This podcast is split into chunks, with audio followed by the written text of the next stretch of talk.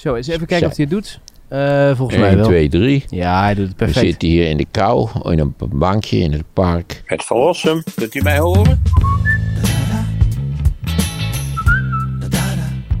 Ja. En ehm, ja, de, de poorten zijn dicht van eh, het Ja. restaurant waar we normaal altijd zitten. Ja, de horeca is gesloten. Ik moet zeggen, ik heb begrip voor de sluiting van de cafés.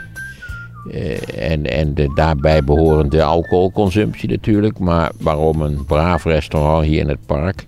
waar men de boel behoorlijk op afstand had gezet, ook gesloten is... Precies, is ja. mij niet zo duidelijk. Ten meer ook omdat het bepaald geen gasten trekt... die eh, op grote schaal gaan zuipen en de boel op stel te gaan zetten. Het idee had ik ook niet inderdaad. Dat klopt. Een heel ge- rustige gelegenheid voor wat oudere mensen. Ja. Hey, we Maar hebben ja, stro- die is natuurlijk ook gesloten. Alles is gesloten. Ja, ja. Ja, op, op een paar dingetjes. ik, Nou, zou hotel... de, ik zou de overheid in overweging willen geven. Kijk eens of een deel van die restaurants niet best open kan. Ja. OMT had ook gezegd, volgens mij, het kan best wel. Wie had er gezegd? OMT had gezegd dat Oh, het oom, nou ja, kijk, die willen natuurlijk ook buiten de deur eten. En, en nu kan dat niet. Hey, we gaan straks eventjes een, een blokje met vragen doen. Ik dacht, doe ik nu even aan het einde. Het onderwerp waar ik het over wil hebben in deze aflevering is... ehm, we hebben het al veel gehad over Amerika en ook over de leiders van het land. En er kwam een hele aardige vraag binnen van eh, Paul. Die zei, wie vindt Van Rossum nou eigenlijk de beste president van Amerika in de geschiedenis? Dat lijkt me een mooi onderwerp. Nou, er is een hele uitgebreide literatuur over de vraag wie was de beste president. Eh, daarover bestaat een partiële consensus, laat ik het zo zeggen. Niet een complete consensus, maar een partiële consensus. En eh, laten we ons beperken tot de top 5. We zijn bezig aan wat zogenaamd de 45ste president is, maar in feite de 44ste president. Dat komt door de eigenaardige telling van het systeem. Want er is een president geweest genaamd Cleveland. Die is in twee niet opvolgende periodes president geweest. En daarom wordt hij voor twee geteld. Hij is maar één persoon, maar hij wordt voor twee geteld. Dus we zijn eigenlijk bezig aan de 44ste president. Obama was de 43ste president. Goed, dit gezegd zijnde, is er wel een soort top 5. En in, de, in die top 5 staan in feite altijd in principe drie dezelfde personen. Dat zijn Abraham Lincoln, leider van de Verenigde Staten tijdens de burgeroorlog. En degene die voor de emancipatie van de zwarte slaven heeft gezorgd. En die vermoord is overigens door een radicale eh, bevorderaar of bevorderaar supporter van het slavensysteem. Eh, dat is eh, de eerste president, Washington. Staat meestal aan de top, maar je kunt zeggen, eh, ja, qua gewicht maakt het niet zoveel uit met Lincoln. En dan tenslotte Franklin D. Roosevelt, die eh, de langstzittende president was, namelijk van maart 33 tot, eh, tot hij doodging, eh, tot hij eh, aan een hersenbloeding doodging. Dat april 45, dus die heeft er een goede 12 jaar gezeten. Daarover is men het wel eens dat dat, dat, dat de drie beste presidenten zijn. En wie is men? Men is, is de historici. Eh, tegenwoordig heb je natuurlijk ook, zoals overal, een, een rechtspopulistische opstandelingen. En die vinden dan bijvoorbeeld een, een, iemand als Calvin Coolidge of, of Herbert Hoover, die vinden ze dan ook een prima president. Want historici zijn gek op revisionisme. Hè? Dus jij zegt bijvoorbeeld, nou, we zijn het toch wel erover eens dat Willem Drees de beste naoorlogs eh, minister-president is geweest. Dan heb je altijd, kun je een historisch vinden, nee hoor, nee, dat is toch eigenlijk Lubbers of Ja. Mark Rutte. Of, nou, hè, dus daar kun je, er is over alles discussie, maar over de top drie van Amerikaanse presidenten eigenlijk niet. Dus dan zit je toch met Washington, eh, Lincoln en Roosevelt. Ja. En wat, wat er zijn ook wel een paar die een hele behoorlijke reputatie hebben, maar daar is dan toch weer vaak een steekje aan los. Ik zou maar zeggen, vroeger stond Jefferson ook in de top 5. Maar nu is toch door DNA bewezen dat hij het wel degelijk met zijn zwarte slavin deed. En dat heeft hem doen tuimelen in de rangorde. Je kunt ook zeggen, hoe belangrijk is dat eigenlijk? Maar feit is dat hem dat qua reputatie geen goed gedaan Ja. heeft. Als je in die top 3 kijkt naar die eh, presidenten, wat, wat hebben zij dan waardoor zij zo goed scoren? Nou, je, je kunt een geweldige president zijn, maar als je net in een tijd zit eh, dat er eigenlijk niet zoveel belangrijks gebeurt, dan, dan eh, kun je nooit een grote president worden. Van een grote president wordt verwacht dat hij dat hij in crisissituaties het juiste beleid voert. En Nou ja, Washington is de eerste, dus ja, daar moet je er iets van maken. Hij heeft ook bepaald eigenlijk dat twee termijnen wel mooi was. Eh, Lincoln eh, heeft natuurlijk de, de natie moeten leiden in, in, het, in het ernstigste crisismoment binnenlands van die natie, namelijk de burgeroorlog. Die natuurlijk nog steeds in allerlei opzichten zijn diepe sporen trekt in de Amerikaanse geschiedenis en samenleving. En, en idem dito Franklin D. Roosevelt door de economische crisis. Dus er Het moet, interessante is dat eh, Washington is altijd wel een uitgesproken held geweest. Ook geloof ik toen hij, toen hij de eerste president werd. Anders was hij dat ook waarschijnlijk niet geworden. Maar zowel bij eh, Lincoln als bij eh, Franklin D. Roosevelt was eigenlijk het verwachtingspatroon niet zo verschrikkelijk groot. Roosevelt bijvoorbeeld, die werd beschreven als de verderduster. Beetje een lichtgewicht, aardige man, vrolijke man, maar prot. Die gaat geen pot te breken. En Nee. vervolgens bleek hij verreweg de belangrijkste president van de 20e eeuw te zijn. Maar is het zo dat... Maar je hebt natuurlijk tegenwoordig een hele factie die vindt Reagan ook hartstikke belangrijk. Dit is een beetje beschouwend gezien hè, wat men vindt. Maar als ik, als ik jou nou vraag, wie vind jij de beste? Ben je het daarmee eens met die top drie? Ja, daar ben ik het wel. Washington zegt me niet veel, daar weet ik ook te weinig van. Maar eh, Lincoln en, en Roosevelt zijn zonder enige twijfel eh, hele belangrijke presidenten geweest. Ja. En dat is natuurlijk ook een hele brigade prutsers geweest. Eh, Ja. Sterker nog, we hebben op dit moment een unieke prutser in het Witte Huis. ja. Terwijl die wel in een tijd leeft dat er belangrijke dingen gebeuren. Ja, dat, dat is een interessant punt wat je nu aansnijdt. Dat komt, eh, omdat jij dat zegt, dat komt omdat mensen altijd denken dat de tijd waarin zij leven de Oh. aller, allerbelangrijkste tijd is die er ooit geweest is. Maar corona een is toch... crisistijd en corona, ja, minder ernstig dan de Spaanse griep. Eh, minder ernstig dan vrijwel alle grote pandemieën in de Europese Ja. geschiedenis. Dus we moeten het ook niet erger maken dan het is. Maar kijk naar Obama, eh, eerste zwarte president. Was zijn tijd, gebeurden daar grote dingen? Nee, dat zou ik niet zeggen. Eh, Obama had grootse plannen. Met name hoopte hij dat hij de polarisatie zou kunnen doorbreken. Hij werd natuurlijk door velen gezien als een symbolische figuur, de eerste zwarte president. Ja, dat die zwart is, is natuurlijk ook eigenaardig. Had een zwarte vader, een witte moeder. Ja. Ik weet niet wat je dan precies bent, want je kunt voor precies hetzelfde geld zeggen dat hij een witte president was. Laten we zeggen een 50-50 president, zoiets dergelijks. Maar ja, door de tegenwerking van de Republikeinen in de laatste zes jaar van zijn regime, eh, is daar natuurlijk relatief weinig uitgekomen. ja. Is het mogelijk om in die top drie door te breken? Eh, en, en kun je dat ook nu al zeggen? Of moet je daar twintig jaar voor wachten om te kijken eh, of... Nou, nee, ik denk als het zou gebeuren. Stel voor dat Biden, stel voor de Senaat gaat nu eh, per 3 november over in democratische handen. Eh, Biden eh, stelt een, een fantastisch team van medewerkers samen, want dat zal hij wel nodig hebben.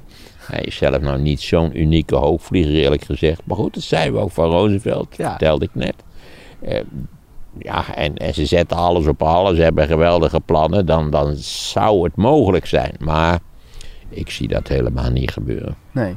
Wat is een element in een president, hè? Een, een, een karaktereigenschap misschien wel of een talent... wat hij moet hebben om in crisissituaties of in situaties dat iets groots gebeurt... goed te kunnen handelen? Hij moet flexibel zijn. Hij moet zelfvertrouwen hebben. Hij moet, eh, hij moet eh, zekerheden hebben die waarschijnlijk helemaal geen zekerheden zijn. Maar toch, je moet er, je moet er tegenaan gaan staan. Het klassieke voorbeeld is natuurlijk Winston Churchill. Die een heel leven van politieke rampen achter de rug had. En die in, in het voorjaar van 40 minister-president in Engeland wordt. En die, nou ja, die doet wat hij moet doen. Namelijk prachtige redenvoering houden. Zeggen we moeten volhouden, we gaan niet capituleren. Wist hij veel hoe het zou lopen. Het zag er beroerd uit toen hij minister-president werd. Ja. Maar hij deed wat hij moest doen. Ja. Kan een goede president nu ook de situatie of de plek van Amerika in de wereld nog eh, veranderen? In die zin kan Amerika eh, de positie weer versterken door een goede president? Dat denk ik wel, maar daarvoor is zelfs een, een simpel herstel van een aantal dingen. Niet waar je even, je, je kunt dat geklets van Trump over de NATO en dat gelul over de EU en, en nou ja, al die andere rare kwetsende, volkomen nodeloze onzin die hij beweert heeft over zijn eigen bondgenoten. Dat is simpel terug te draaien. Daar kun je een reeks van verklaringen afgeven dat, het, eh, we- dat we gewoon doorgaan waarbij, waar Obama gestopt is. Dat, is- dat lijkt me niet zo moeilijk. Aan de andere kant zijn er natuurlijk ook wat punten waarbij misschien Trump ook een nuttige waarschuwing is geweest. Met name aan de Europeanen van Eh, als je, je moet er rekening mee houden dat Amerika misschien een wat minder dominante rol gaat spelen op het wereldtoneel. En dat betekent dat je zelf wat serieuzer moet nadenken over je eigen verdedigingsstructuur. Ik denk hier in het bijzonder aan de EU. Dat lijkt me heel nuttig dat we dat doen. Zoals Merkel zei, we staan er nu eh, ineens alleen voor. Ja. Eh, dat is niet helemaal waar. Ik denk dat Amerika ons altijd onder de huidige omstandigheden te hulp zou komen. Dat geklets van Trump heeft ook vrij weinig concrete veranderingen bewerkstelligd in de rol van de Verenigde Staten in de NATO overigens. Maar het is toch goed dat we, daar, Ja. eh, dat we daarover na gaan denken. Ja. Dat wij zelf veel beter militair gaan samenwerken. Ja, toch vind ik het opvallend dat als je het hebt over de beste presidenten ooit van Amerika, dat je jaren terug moet. Ik, eh, Bush, nou oké, even los van wat er gebeurde, Clinton, hoor ik allemaal niets voorbij komen in het lijstje. Nee, nee, nee, nee, nee. Dat zijn dat zijn er. Clinton heeft het op zichzelf wel aardig gedaan, maar natuurlijk zoals zoveel progressief is, die is die eh, door de knieën gegaan voor allerlei le- le- neoliberale retoriek en beleidsvorming. Nou, daar zijn we weinig wijzer van geworden. Ik ga even mijn neus snuiten in Ja. verband met de COVID. Oh ja. Het COVID-moment in deze podcast. COVID-momentje. Ja, dat is gek. Kijk, dat iedereen die dus een beetje snotterig is, die moet eigenlijk thuis blijven. Ja, Maar maar we zitten in de buitenlucht. Als, ja, dus- als dat zo zou zijn, dan was ik als had ik al zeven maanden thuis gezeten. ik ben altijd een beetje snotterig namelijk, ja. Ja, Dat vond ik, voelde ik niet zoveel voor. Nee, dat, nou ja, dat is heel, niemand. Ja, de Bush. Nou, de oude Bush heeft het dit punt van de buitenlandse politiek heel behoorlijk gedaan, zonder meer. ja. Hoeveel macht En heeft heel veel mensen zeggen, nou, die Reagan die heeft het niet slecht gedaan. Daar kun je, kan je een heel debat over voeren. Ja, ja. Eh, Johnson hoorde ik ook nog. Ja, Johnson is natuurlijk een hele tragische figuur, want die was na de Tweede Wereldoorlog de belangrijkste president op het punt van de vernieuwing van de binnenlandse politiek. Daar heeft hij hele nuttige dingen gedaan, Civil Rights Act en, en armoedebestrijding en, en eh, social security, eh, dingen, dat soort dingen. Maar ja, die is, zat gevangen in dat, in dat waanzinnige avontuur van de Vietnamese interventie, waar die tenslotte aan ten onder gegaan is. Ja. Want natuurlijk de Amerikaanse interventies na de Tweede Wereldoorlog. Je zou eventueel kunnen zeggen dat die in de Koreaanse oorlog dat dat wel een, uiteindelijk geslaagd is. Maar de hele rest is, heeft eigenlijk Ja. niets dan onbeschrijfelijke ellende voortgebracht. ja. Hoeveel macht heeft een president in Amerika eigenlijk? Nou, niet zo verschrikkelijk veel. Dat is een ander punt natuurlijk. Want Amerika is een federale staat. Het bestaat uit 50 verschillende staten. Die verschillende staten die hebben vrij omvangrijke bevoegdheden. op het terrein van onderwijs, infrastructuur, eh, lokale belastingheffing. Hè, want iedereen denkt dat de belastingen overal in Amerika hetzelfde zijn, maar dat is helemaal niet waar. Ik zou maar zeggen, in, in, in de staat New York heb je een vrij hoge heffing op sigaretten. En in de tabakstaten, hè, de staten die zelf tabak produceren, daar is geen heffing op sigaretten. Met als gevolg dat er ook binnen de Verenigde Staten een levendige smokkel is, bijvoorbeeld de sigaretten. Want als je natuurlijk bij nacht en ontij met een paar grote trailers sigaretten naar New York Ja. transporteert, die jij veel goedkoper gekocht hebt in de tabakstaten, nou, kun je goed geld aan verdienen. Ja, maar hoe kun je dan als een president krachtig zijn, hè, wat je net zegt, terwijl je eigenlijk niet zo gek veel macht hebt? Nou, je kunt budgetair kun je wel wat doen natuurlijk. En je kunt kijken hoe je, hoe je de staten, de verschillende staten, niet waar, eh, tot samenwerking brengt. En dat moet je doen natuurlijk. Er is een congres, er is een huis van afgevaardigden en er is een senaat. Dus je moet wel zorgen, sowieso als die tegen zijn, dan, dan ben je in binnenlandse politiek betrekkelijk machteloos. Ja, maar is het niet zo dat in de buitenlandse politiek heeft de president wel wat meer mogelijkheden. ja, maar is het niet zo dat de democraten altijd eh, dwars gaan liggen bij een republikeinse president en eh, omgekeerd? Nee, eerder is het omgekeerd het geval. De, de democraten hebben naar mijn persoonlijke opvatting, en ik ben de enige niet op dit punt, zeker in de jaren 80 en 90 eh, veel te veel het pad eh, gevolgd wat de republikeinen hebben gewezen. Veel te veel, dat hadden ze nooit moeten doen. En op welke manier dan? Door in feite neoliberaal beleid eh, mede te steunen. Hè. Eh, Clinton deed dat, maar het heeft Tony Blair net zo gedaan. Denk aan Wim Kok, idem dito, de ideologische vieren afgeschud. Wim Kok had ook best wat minder ideologische vieren af kunnen schudden. En dan zwijg ik nog over de rol van de Sociaaldemocraten in Rutte 2, want dat is een bedroevende zaak. Ja, maar Dus het is in heel brede zin kun je zeggen dat wat, wat meer progressieve en nadenkenden eh, dat, die, eh, dat die toch wel gevallen zijn voor die neoliberale retoriek. En dat het ook de allerhoogste tijd wordt dat we dat gaan stoppen. Hè, want die neoliberale, eh, dat neoliberale beleid heeft een grote schade aangericht op tal van Ja. terreinen. Maar je wil natuurlijk wel, ik, ik snap dat vanaf de zijlijn is het natuurlijk makkelijk commentaar geven. Maar Zo als je, dat. Maar als je natuurlijk daar zit, wil je natuurlijk het land regeren. Ja. En welk land je ook zit. Ja. Dus je moet altijd een soort van middenweg vinden. In principe moet je, moet je naar consensus streven. Dat, zeker in Nederland is dat noodzakelijk, omdat je zonder een coalitiekabinet in Nee. Nederland nou helemaal niks voor elkaar krijgt. Er is geen enkele partij in Nederland die op het punt staat om een, om een absolute meerderheid in het parlement te, te kiezen. Doet dat trouwens ook nooit.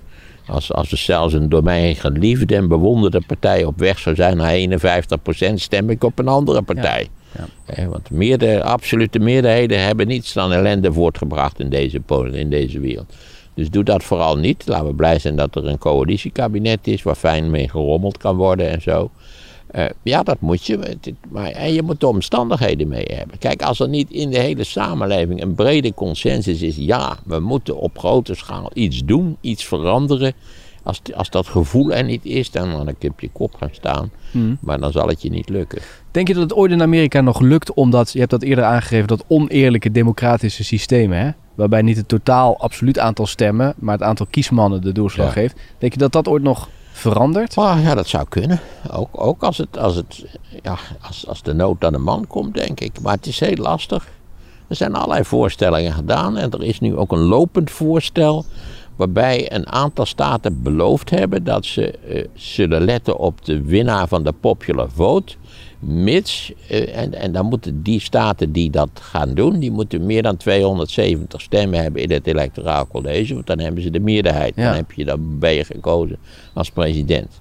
Dat loopt nog. Dat, dat zou kunnen dat dat een doorbraak kan. Ja. Want daar hoef je de constitutie niet voor te Precies. veranderen. Maar je hebt het net over leergeld van de periode Trump. Hè, daarvan uitgaande, hè, we weten nog niet wat de uitslag zal zijn. Maar zou je nu ook kunnen zeggen dat een volgende president die niet Trump is, als leergeld moet, moet, moet nemen, laten we dat systeem misschien eens Ja, aanpassen? dat kan hij wel vinden. Maar dan zul je het congres zo Ja. gek moeten krijgen. Je zult die staten zo gek moeten krijgen om dat te doen. En dat zie ik voorlopig niet gebeuren. Nee. Amerika is een aardsconservatief land in velelei opzichten. Ja. Vooral natuurlijk omdat Amerika leeft van zijn eigen zelffelicitatiedienst. Ze staan altijd, altijd zijn Amerikanen, gaan maar eens met ze praten. Het van het meest geweldige land ter wereld. Eh, shining city upon a hill, God's own country. Dat, dat is al heel snel, ook als je kritiek hebt. Ja, het is, in het is misschien wel slecht, maar in alle andere landen is het nog veel slechter. ja. Maar dat heeft ze ook veel succes gebracht. Hè? Films, series, muziek. Het gaat de hele Ja, wereld over. Zeker, zeker. Hun verkoopmethode wordt Nou ja, overal dat ligt geprezen. vooral aan het feit dat het natuurlijk een hele grote culturele markt is. Hmm. En dat de, de volgende grote culturele markt, dat is in principe China. Ja. En dat is een totalitaire dictatuur van de ergst denkbare soort. Dus, dus in die zin heeft Amerika het betrekkelijk makkelijk. Er is niet een Europese cultuurmarkt. In feite importeren wij een grote hoeveelheid cultuurgoederen uit de Verenigde Staten. Ja. ja. Maar dat komt omdat natuurlijk de cultuurmarkten in Europa versnipperd zijn. Hmm. Ik heb geen idee wat bijvoorbeeld in Estland het meest populaire tv-programma is. Nee. hè. Nee. Net zo goed als het in Estland geen zak kan schelen.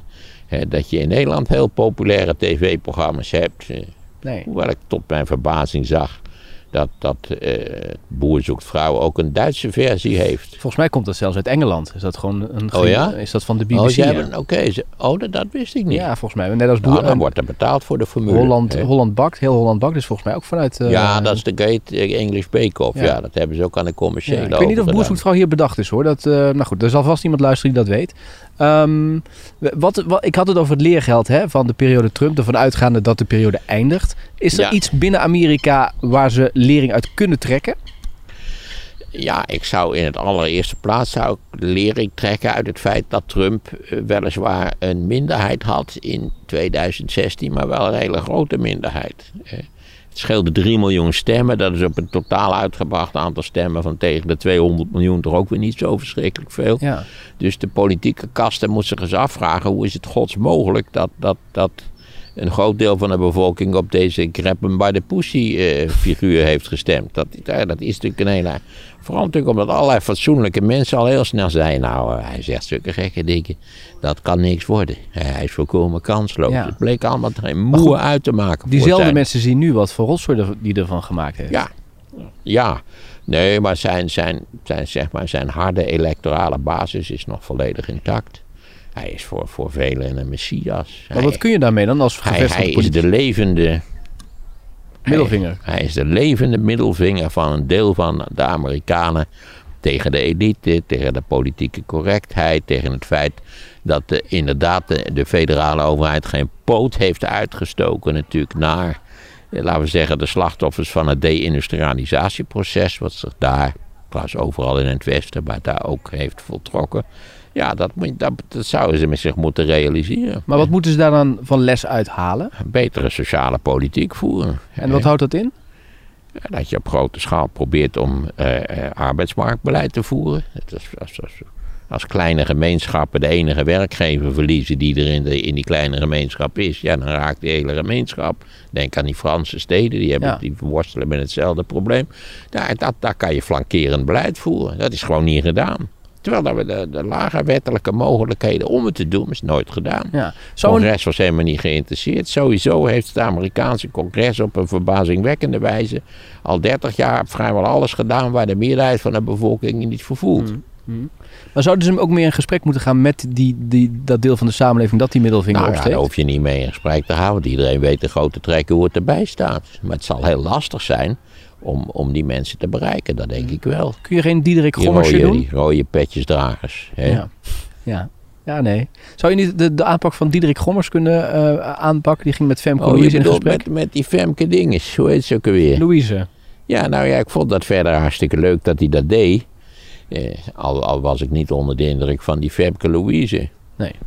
Maar ze zijn wel met elkaar in gesprek gegaan. En, en, en Gommers zit nu op Instagram. En, eh, nou ja, prima. Ik jaag het van harte toe. Ja. Al moet ik zeggen, op de schaal van de Verenigde Staten ziet dat er naar mijn idee anders uit. Maar Trouwens, ook de, ook de nu gekozen president, of het nu Trump is of, of, of eh, Biden, zal nog een hele tijd met een coronaprobleem zitten. En er zijn een aantal staten waarin coronaslachtoffers nog steeds zeer snel toenemen. ja. Met name in die staten waar ze dachten dat het daar nooit zou gebeuren. Hè? En waar ze dus ook niet erg goed opgelet hebben met, met de noodzakelijke maatregelen. ja. Hou je nog van Amerika eigenlijk? Ja, dat is natuurlijk een beetje een rare vraag, moet ik zeggen. Eh, omdat ik nooit van Amerika heb gehouden. Sowieso houden van, hou ik van Nederland. Maar je hebt je wel nou, gespecialiseerd in het land. Dat is ook niet voor dat- niks dat geweest. zegt niks, toch? Nee, maar dan Vond heb je wel een... Vond het interessant. Hou, je, kunt, je kunt iets enorm interessant vinden zonder dat je ervan houdt. Laat ik het zo formuleren, ik zou er voor geen geld willen wonen. Nee. Waarom ben je dan ooit in gaan... gedwongen zou zijn, ik bedoel Nederland loopt onder water, laten we dat even aannemen. Dan zou ik nog wel in Seattle willen wonen, daar hebben ze een beetje een Nederlands klimaat. Maar hou ik van Nederland? Ja, ik ben gesteld op Nederland, maar dat heeft vooral een, een taalkundig-culturele achtergrond.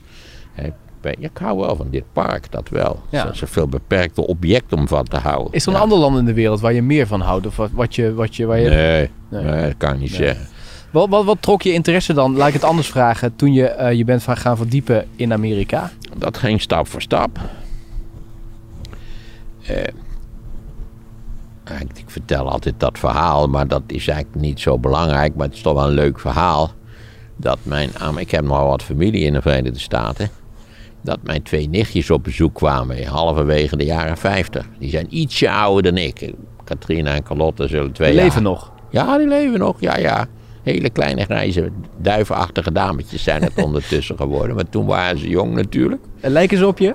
Nee, geen voor geen moer, want het is via via. Het is, het is Ah, ja. te ver weg. Eh, maar het zijn wel nichten. Het zijn eigenlijk dubbele. Het waren dubbel. Nee, het is allemaal te ingewikkeld Ja, ja. om uit te leggen. Zeg maar dat het twee nichtjes zijn. En, en die kwamen op bezoek. Ten eerste waren zij toen, toen veel rijker dan wij. Dat is interessant. Dat, ondertussen is dat verschil eigenlijk vrijwel compleet verdwenen. Eh, maar zij hadden allebei een eigen camera. Dat was voor mij als toen 12-jarige of zo. Ik was wel geen, ik had, ik had dat ook wel gewild. En dat, Een dat je toch- fotocamera of een ja, filmcamera? een fotocamera. Nee, filmcamera is wel heel erg deftig. Nee, een fotocamera, heel simpele camera, weet ik veel. Niet een afvaklak, maar zo'n Kodak ding. Maar dat, dat die twee kinderen, want het waren natuurlijk ook nog kinderen, dat die allebei een eigen camera. dat- Voor mij was Amerika toch daardoor een soort wonderland. Daar kwam bij dat mijn grootouders hadden een abonnement in de, in de leesportefeuille. bestaan die dingen nog? Leesportefeuilles. Geen idee. Anyway. En daar zat de Saturday Evening Post in. En er stonden altijd van die prachtige advertenties in van Amerikaanse auto's die dan geparkeerd waren. Meestal inderdaad met een herfstige achtergrond, met zo'n leuk huis met van die witte planken en zo. Ja. Je kent dat Ja. wel. Het geïdealiseerde Amerika. Later heb ik gelezen dat die auto's verhoudingsgewijs veel te groot werden afgebeeld. Ze waren al groot in Amerika, maar nog te groot afgebeeld. En dat maakte ook allemaal wel indruk op mij. Ja, ik zag Hoe het oud wel was je als toen? een... Nou ja, 12, 13 of zo.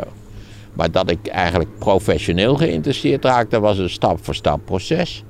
Ik kocht een boekje, ik heb daar vaak verteld trouwens, over eh, de presidentsverkiezing van 1960. The Making of the President 1960 van Theodore White.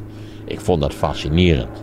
Als je dat natuurlijk vergeleek met de toenmalige Nederlandse politieke campagnes, die van een zo ingrijpende, volstrekt dorre stompzinnigheid en, en, en meligheid waren, dan kun je je voorstellen Ja. dat ik dat wel een interessant verhaal vond. Nixon tegen Kennedy. Kennedy de held, Nixon de boef. Dat was ook, ook- klopte niks van, maar goed, dat was de thematiek. En toen ben ik maar steeds, als, ik verheugde me altijd op de volgende presidentsverkiezingen. En dat, werd, dat hield ik allemaal enorm eh, nauwkeurig bij. En ik had altijd een plakboek en zo. En toen werd er een nieuwe hoogleraar benoemd. En die ging als eerste werkcollege een werkcollege houden over de Koude Oorlog. En ik dacht van, tjee, eindelijk is een leuk thema. Ja. Dus daar ben ik toen naartoe gegaan, terwijl ik alweer twee werkcolleges had gedaan. Dus hoefde eigenlijk niet. Eh, en ja, op dat pad gekomen heb ik tenslotte een scriptie geschreven. Een enorm dikke scriptie, mag ik wel zeggen, achteraf. Heel erg dik. Zodat de, de nakijker, dus de betrokken hoogleraar, er ook wel vrij regelmatig bij schreef. U schrijft geen handboek, hand met uitroepteken. en... eh, nou ja, dat was op zichzelf een groot succes, die scriptie. En eh, zo ben ik eh, eigenlijk eh, werd ik uitgenodigd om, om een eh, dissertatie te schrijven. Ik kon een jaar naar Duitsland voor research. Het is ook een beetje gegroeid zo. Ja, zo stap voor stap. En toen kwam er hier functievrij in Utrecht aan, aan, de, aan de universiteit als wetenschappelijk medewerker. En ze wouden wel iemand hebben die dan eh, wat meer aandacht aan de Verenigde Staten zou besteden. En zo kwam van het een en het ander. Ja. Dat, dat, dat, dat daar tenslotte een soort mediacarrière op vervolgd is, was, dat hing ook weer van toevalligheden bij me aan elkaar. Ja.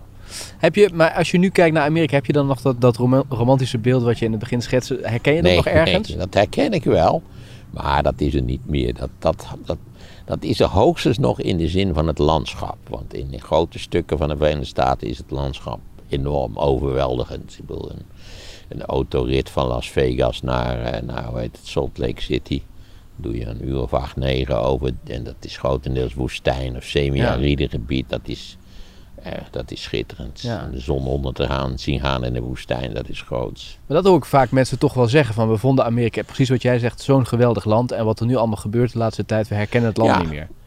Nou, dat, dat vind ik eenzijdig. Omdat als je een beetje op had gelet vroeger, wist je ook dat de zwarte bevolking er niet best aan toe was.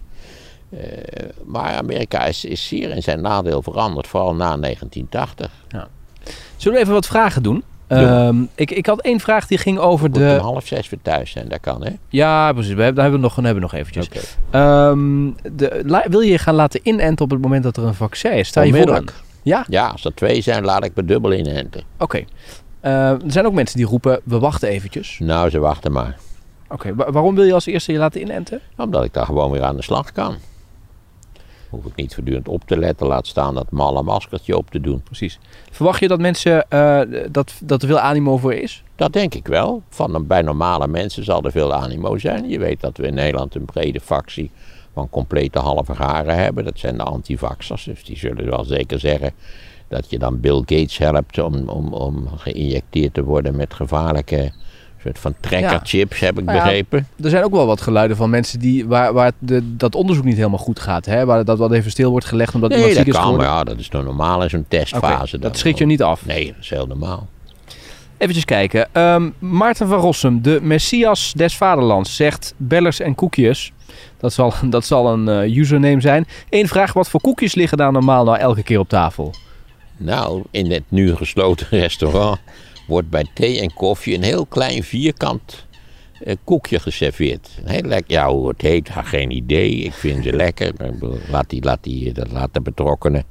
Het is het Wilhelminapark restaurant in het Wilhelminapark in Utrecht. Dus als de tent weer open gaat, zou ik zeggen, Ga er naartoe. flux daar naartoe. En dan vraag ik ook vaak wat extra koekjes. En ze zijn zo klein, daar hebben ze nooit bezwaar tegen. Nee. Rens Derksen die zegt mooi omschreven dat het leven een beperkte onderneming is. Dat heb je in een vorige eh, opname gezegd. Ah, nou ja, het is toch zo nu. Ja. Zolang we het eeuwige leven niet hebben en, en laten, we, laten we de zegen het feit dat we geen- niet het eindige leven is het een beperkte onderneming. Ja. Maar dat gaat, eh, rela- zeker als je eenmaal zo oud bent en ziek, dan gaat het verrassend snel voorbij eigenlijk. Hè? Ja. Ja. ja. Sta je daar wel eens bij stil? Of, eh, Ja, ik sta, sta ik regelmatig bij stil, ja, ja. Ik denk regelmatig in coronatijd, hallo, het er een beetje slecht uit, want dit zijn de laatste bruikbare jaren van mijn leven. ja. Kijk, gesteld als ik nog tien jaar leef, wat ik niet weet, maar gesteld dat, dan ben ik eh 87 bijna. Ik word vrijdag 77, hoor ik zeggen. Nou ja, Oh ja. Je gaat naar Texel, toch? ja, ja, zeker. Ik ga naar Tesla om mijn verjaardag te vieren, die is zaterdag dus. Eh, ja, over tien jaar zie ik me dat niet doen. Dan zie ik mezelf hier ook niet zitten. Waar zit je dan, denk je?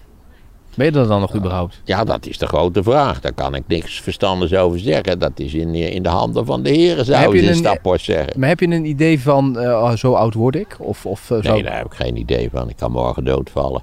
Ja. Daar heb je ook nooit over nagedacht? Van ik zou zo, dat zou ik een mooie leeftijd vinden of... Nee, dat niet. Zolang ik, mijn, zolang ik compostmentis ben en, en min of meer normaal kan bewegen. En niet volledig zorgafhankelijk ben, eh, wil ik wel leven, ja. Ja. Ja. Ga je een leuk, heb je een, eh, heeft, hebben ze iets georganiseerd voor de verjaardag of weet je niet? Ja, Of hou we gaan van? gezamenlijk eten met de kinderen en de kleinkinderen. Heb je ook In een, klein, in klein bestek, ja, vanwege coronatijd moet Ja. het allemaal klein. ja. Maak je ook nog verlanglijstjes of is dat... eh, Nee, ik heb, niks, ik heb geen concrete verlangens. Ik wil wel een rood sportwagentje, maar dat wil niemand me geven. Dus eh, Maar krijg je wel ieder jaar een cadeau?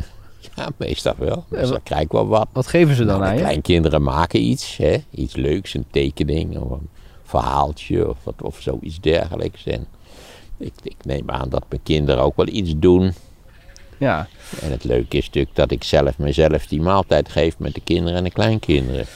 Even kijken, ik zie hier, ehm, Maarten, bedankt dat je zo eerlijk bent in je commentaren. Gemiste kans dat je nog niet eerder geschiedenisles op school hebt kunnen geven. En leuk het aju tegen de beller. Het oostelijk dialect verloochent zich niet. Een knipoog als emoticon, zegt Marianne Toven. Ja, aju tegen Marianne. Ik zeg altijd aju, dat zeiden wij vroeger. Je weet wat aju is, dus adieu. Ja. hè? Maar dat is Frans. Ja, dat is Frans. Het is een verbasterde Franse uitdrukking. Maarten is een fenomeen. Wat heerlijk om in de alledaagse gekte af en toe een heldere mening te horen. Top. Graag frequentie opvoeren. Zegt eh, fenomenaal. Eh, oh, Guitar Rudy zegt dat. Gitaar, Rudy. Oké, Ehm hartelijk dank. eventjes kijken. Er, er is ook nog een, eh, een vraag. En ehm, eh, moet ik even kijken waar ik die nou precies had. Ja, die gaat een beetje over de, daar waar we het net over hadden. Er wordt nu verwacht dat Trump zich niet zomaar laat afzetten. Dat er, dat er onrust komt in Ja, Amerika. dat eh, durf ik niet zo over te zeggen. Dat is een beetje afhankelijk van de postale stemmen. Ik zelf denk dat als hij een verpletterende nederlaag leidt, eh, dat hij dan niet al te grote problemen zal eh, veroorzaken. Maar goed, je weet het bij Trump nooit. Hij weet het waarschijnlijk zelf ook niet. Het is een man die eh, on- the spur of the moment reageert en vaak volkomen krankjorum re- reageert. Hij was vooral in die week nadat hij uit het ziekenhuis was gekomen, was hij echt in full swingende zin. ja, ja, ja. Dat klopt. hij zijn kabinet eh, verweet dat, dat Obama niet al gearresteerd was. en. Zo. Het was echt. Ja, hij is natuurlijk ook. Ach, hij is uiteindelijk een tragicomische figuur. Een, een treurige clown. En ik denk dat hij net intelligent genoeg is om dat diep in zijn hart te weten. Maar het helpt niet echt. Iemand wil weten hoe het in Duitsland was. Je was eh, in Duitsland. Ja, ik was eh, vijf dagen in Duitsland. Nou, Wat- in Duitsland was het eh, verder heel normaal, zoals het meestal in Duitsland is. Je moest je laten testen wel van tevoren. Ja, je moet je 48 uur, binnen 48 uur moet je een positief, negatief testresultaat hebben. Dat had ik bij een, commercieel testbureau waar niets aan de hand was. Ik was er te vroeg, maar dat maakte niet uit. Het was er niet druk. Er is kennelijk een min of meer onbeperkte commerciële testcapaciteit in Nederland. Ik begrijp niet waarom daar niet iets actiever gebruik van wordt gemaakt door onze overheid. Je kunt zeggen dat kost geld, ja dat is waar, maar de overheid is miljarden besteed aan dit hele project, dus waarom niet ook aan deze zaak? Dus daar was ik wel lichtelijk verbaasd over. Je kunt nou, bij een commercieel teststation kun je de dag afspreken. En je kunt zeggen, nou nee, s ochtends lig ik in mijn bed, daar heb ik geen zin in en zo. Eh, wat wil je nog meer? Dus ik zou, ik zou ook het ministerie van VWS bij deze oproepen. Doe er wat aan. Er is testcapaciteit. Hè? Breid het uit. Wat Ja. is er voor onzin? Ja. Er is ook iemand die vraagt zich af, ja, de koning die moet terugkomen uit Griekenland. Ja. Moet Maarten Vossum dan ook niet ook thuis blijven? Ja, ik vond eh, de koning had voor mij ook rustig in Griekenland met vakantie mogen gaan. Ik weet niet hoe op dat eiland is, maar ik neem aan dat hij alle passende veiligheidsmaatregelen... vasteland zit hij volgens mij wel. En dat was geel Oh ja? gebied. Ja. Hij heeft al zo'n villa naast Poetin. Ja, dat kan. Maar volgens mij was het wel geel gebied waar die was. Dus officieel mocht het, alleen het was niet zo Ja, gelukkig. maar Duitsland was ook lichtgeel als ik het goed heb. Ja. Het is pas gevaarlijk als het oranje of rood is. Ja, je kunt je afvragen. Wij hadden een, een, een historisch educatieve trip was het. Eh, eh, waarbij ik ingehuurd ben om lezingen te houden. Eh, dat is nog een andere leider van, het, van, eh, van de reis. eh, want ik ben geen, geen reisleider. Nee, Ik heb niets van, van de in mij, om het maar even zo te zeggen. meer een volger. Ja, het woord Führer bestaat nog steeds in Duitsland. Een Ja, ja. ja. Ehm, Ligt wel gevoelig nog steeds daar, hè? ja, De- Dus ja, was het. Ik heb, ik heb me wel afgevraagd: is, dat, is dit nou een overbodige reis of is dit nou iets wat nuttig is? Want je wacht, je weet, je weet, je moet geen overbodige Nee. reizen maken. Het bureau wat het organiseerde was dolblij dat er iets doorging. Ja. En sterker nog, ook de deelnemers waren echt blij Ja. dat, ze, dat ze een uitje hadden. Precies. En je gaat natuurlijk zoeken naar redenen om, om maar aan te geven dat het noodzakelijk is, hè? Ja, god, is het noodzakelijk? Nee, maar god, wat is er nou echt noodzakelijk? hè? Dat blijkt ook in de- deze coronatijd. Allerlei dingen waar, die we ons enorm druk over gemaakt hebben, die blijken eigenlijk niet zo vreselijk noodzakelijk. Nee.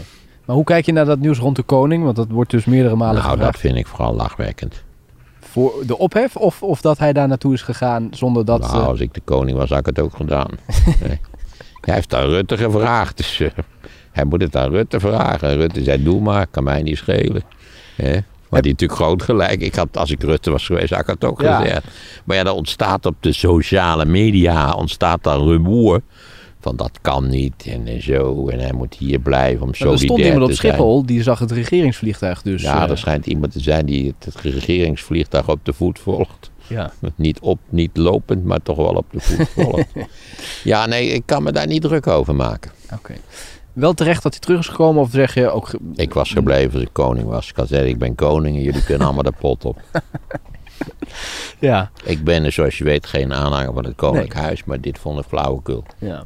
Hey, en eh, eh, heb je ook gezien meneer De Jonge die de persconferentie gaf en geconfronteerd werd met een vraag van een journalist? Gelden, al- gelden alle regels die u nu heeft ook voor de koning? En hij stond een beetje met zijn bek vol tanden, want hij wist het niet. Nee, dat heb ik niet gezien, want Oh, dat- eh, was dat niet toen ik in Duitsland was? Maar was, was je in Duitsland, dat klopt. Ja, je mist natuurlijk, in Duitsland is weer heel ander nieuws. Ja, ja. TV is trouwens geen haar beter dan in Nederland, moet ik Nee. zeggen. Nee, Merkel had daar ook een toespraak gehouden, volgens mij. Dus, eh, Oké, nou, ehm, ga je zo meteen eh, eten?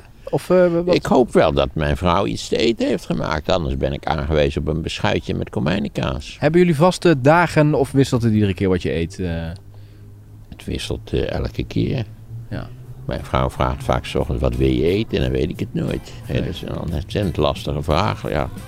Ja. Weet ik veel. Ik heb er vaak helemaal niet over nagedacht. Nee, Ik vind het ook niet verschrikkelijk belangrijk, moet ik zeggen. nee, zo is het. Moet wel lekker zijn, maar ik vind een beschuitje met komijnenkaas ook ontzettend lekker. Ja, nou, smakelijk voor straks. Dank voor eh, het interessante gesprek. En tot de volgende keer. Ja, aju. Tot de volgende keer. Ja, ik zeg nu maar aju als mensen dat op prijs stellen. Ja. Ik zeg altijd aju tegen mijn vrienden, kennissen, familie zeg ik altijd aju.